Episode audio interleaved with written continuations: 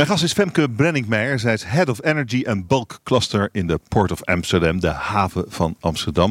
Mevrouw Brenningmeijer, wat doet u precies? Ik ben inderdaad hoofd uh, van de afdeling cluster uh, energie en bulk. Uh, ik werk in de afdeling commercie.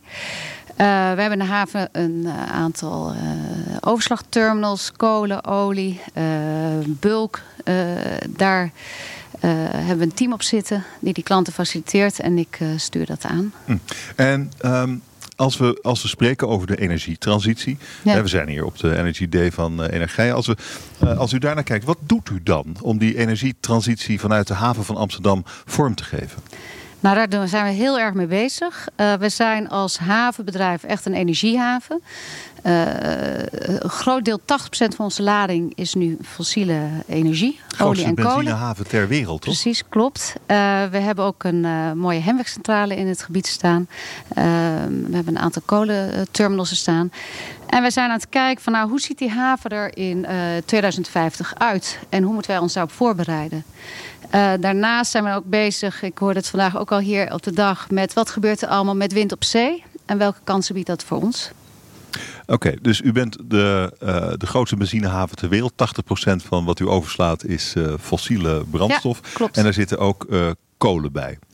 dan heeft u een uitdaging om bij te dragen aan de energietransitie. Klopt. wat, wat is het plan? Wat is het doel? Laten we kijken naar 2030. Um, nou, misschien zoals u wel weet hebben wij uh, recentelijk onze strategie gelanceerd. Uh, een strategisch plan voor de haven. Mm -hmm. uh, waarin we hebben aangegeven dat de ambitie is om de kolen uit te faceren in 2030. Mm -hmm.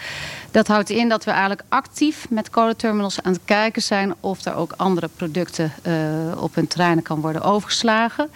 Uh, je bent, verder zijn we uh, natuurlijk in overleg met uh, NUON om te kijken van, nou ja, mocht ooit daar die kolencentrale weggaan, wat kunnen we daar uh, samen doen om te verduurzamen. Ehm, maar daar liggen veel uitdagingen. Ja. En daardoor ook veel kansen, moet ik zeggen. Het is, het is ook interessant als u, uh, met u, u spreekt met uw klanten. Laten we even naar die kolen kijken. U moet tegen die klanten zeggen, nou jullie zijn goede klanten, heel fijn. Maar om 2030 willen we jullie niet meer hebben. En er gaan natuurlijk ontzettend veel kolen ook. Er komt nou, kolen dan wil ik toch even zeggen, we zeggen niet, we willen u niet meer hebben. We gaan kijken naar andere ah. activiteiten. Okay. Dus we zijn samen eigenlijk met die klant die transitie aan het uh, doen. Ja, ja. Maar er is, uh, uh, gaan niet heel veel kolen naar Duitsland op dit moment, bijvoorbeeld? Klopt. Eigenlijk dat is het grootste afzetgebied. Ja, is, is het ook niet te voorzien dat dat in 2030 nog steeds zo zal zijn? Ja, dat Daar zal de tijd moeten leren. Uh, we zien nu dat er heel versneld een uh, afnemende importvraag is. Er zijn wel ontwikkelingen in Duitsland mm -hmm. dat er nog uh, de, de, kerncentrales worden daaruit ge, ja. gefaseerd. Dus er zal ook nog een tijdje een kolenvraag zijn. Maar ik ben zelf twee jaar terug op deze plek begonnen. En dat was in 2015. Het was net het klimaatakkoord van Parijs. En eigenlijk ook zag je toen hoe snel die markten zich ontwikkelen. Uh, ook hoe snel je ziet dat wind en zon in Duitsland uh, eigenlijk uh, een plek innemen. En dat de kolenvraag afneemt. En we leven nu in 2017. Over vijf jaar kan de wereld er weer anders uitzien. Dat is zo. Ja. En wij zetten deze stip om eigenlijk nu al het gesprek met die klanten aan te gaan. En, en niet pas in 2025. Nee. En wat zeggen die klanten dan? Uh, die klanten, ja, daar zijn we mee uh, in overleg. En uh, dan, dat zijn intensieve gesprekken. Ehm, Hoe reageerden ze? Nou, ik denk dat je goed moet kijken. Wij zijn een havenbedrijf. We hebben een havengebied, een, terreinen hier in de regio Amsterdam. En wij lopen eigenlijk best wel vol. We hebben, we hebben een haven dat druk bezet is. En je moet ook gaan kijken hoe ga je met je terreinen om. En hoe probeer je die zo efficiënt mogelijk in te richten.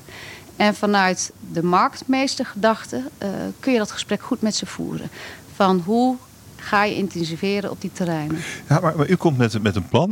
De haven van Amsterdam bedenkt, nou 2030 willen wij kijken of we nou, zonder kolen kunnen. Uh, en dan moet u dat gaan vertellen aan de mensen die daar hun geld mee verdienen. Dat is hun business al vele jaren. Het zijn vaste, vaste goede klanten van u. Dus mijn vraag was eigenlijk, hoe reageren die dan? Staan die dan te juichen of zeggen ze, nou, mevrouw Brenningmeijer, daar hebben wij niet zo zin in? Nou, wat ik kan zeggen, het zijn intensieve gesprekken met deze klanten. U wilt, u wilt er eh, eigenlijk niet, niet zoveel over zeggen? Nou, uh, ik denk het gesprek gaat over energietransitie en ook wat, hoe is de haven daarmee bezig. En ik denk dat wij daar heel proactief mee bezig zijn. Door dit soort gesprekken die we nu met deze kolenklanten hebben. Maar ook door eigenlijk verder te kijken. En ik wilde daar ook nog wel even stilstaan. Bij wat, wat biedt wind op zee? Wat biedt dat voor een kans voor de haven? We hebben mooie benzine- en olieterminals, maar daar ligt misschien ook een kans om energie in de toekomst andere groene energie op te slaan. Waar denkt u dan aan als, u, uh, nou als we even weg, wegstappen bij de kolen? Ik moet zeggen, ik vond het interessant. Er was eens een stelling van wie biedt wind op zee kans op land?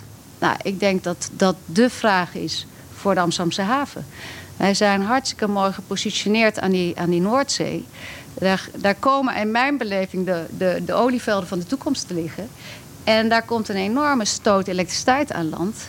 Wat gaan wij daarmee doen? Kunnen wij daar uh, op aan gaan haken? Ja, dat, uh, dat en, zijn uh, vragen die ik zelf heel leuk vind om te beantwoorden. Dat, dat zijn de nieuwe markten die u aan het, aan het verkennen bent eigenlijk. Oké, en dus het moet toch, het moet gewoon, want ja, fossiel houdt natuurlijk ook een keer op. Heeft u enig idee wanneer? Wanneer, ja, waar houdt u rekening mee in uw scenario? In een glazen bol kijken. Ik weet niet wanneer de vliegtuigen op biofuels gaan vliegen. Dat is nog heel ver weg.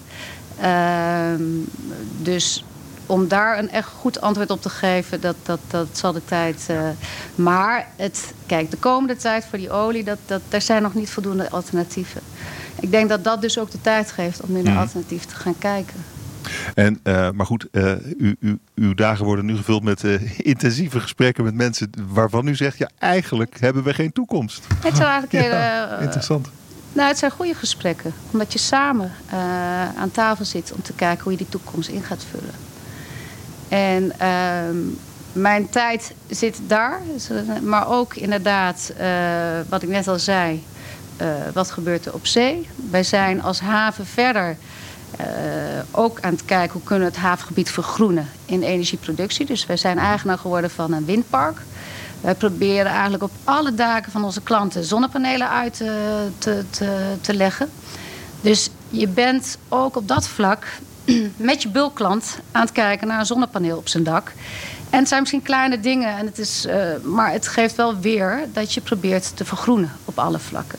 En daar is heel veel support voor. Dank u wel voor dit gesprek. Femke Brenninkmeijer, zij is eh, Head of Energy and Bulk Cluster in de haven van Amsterdam. Dank u wel. Bedankt.